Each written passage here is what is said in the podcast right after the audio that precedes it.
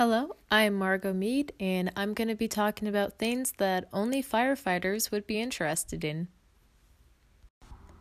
In Seattle, Washington, during the Black Lives Matter protests, protesters in Seattle created the Capitol Hill Organized Protest, also known as CHOP, to protest police brutality after the death of George Floyd. Protesters refused to allow police into the CHOP zone as they believed that police would be violent towards these protesters. The absence of Seattle police on Capitol Hill led to this. A teenager was shot and killed inside Capitol Hill's organized protest zone, and another person was injured. New video shows police trying to respond and protesters pushing back. KIRO 7's Jessica O is live on Capitol Hill tonight.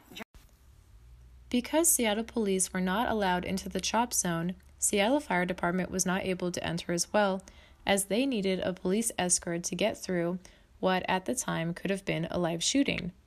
Seattle Fire Department was not willing to put their firefighters at risk by allowing them to enter the protest zone before police, and they were criticized for this. Initially, when this story was released as breaking news, rumors spread that the decision for firefighters to not enter and provide medical attention to the victim was a race based decision, as the victim was black. Seattle Fire quickly came out with the press release to explain their actions and why they made the decision they did, which did sadly lead to the death of the victim. The point of my long form web text project is to analyze if Seattle Fire was successful in changing public perception following the incident.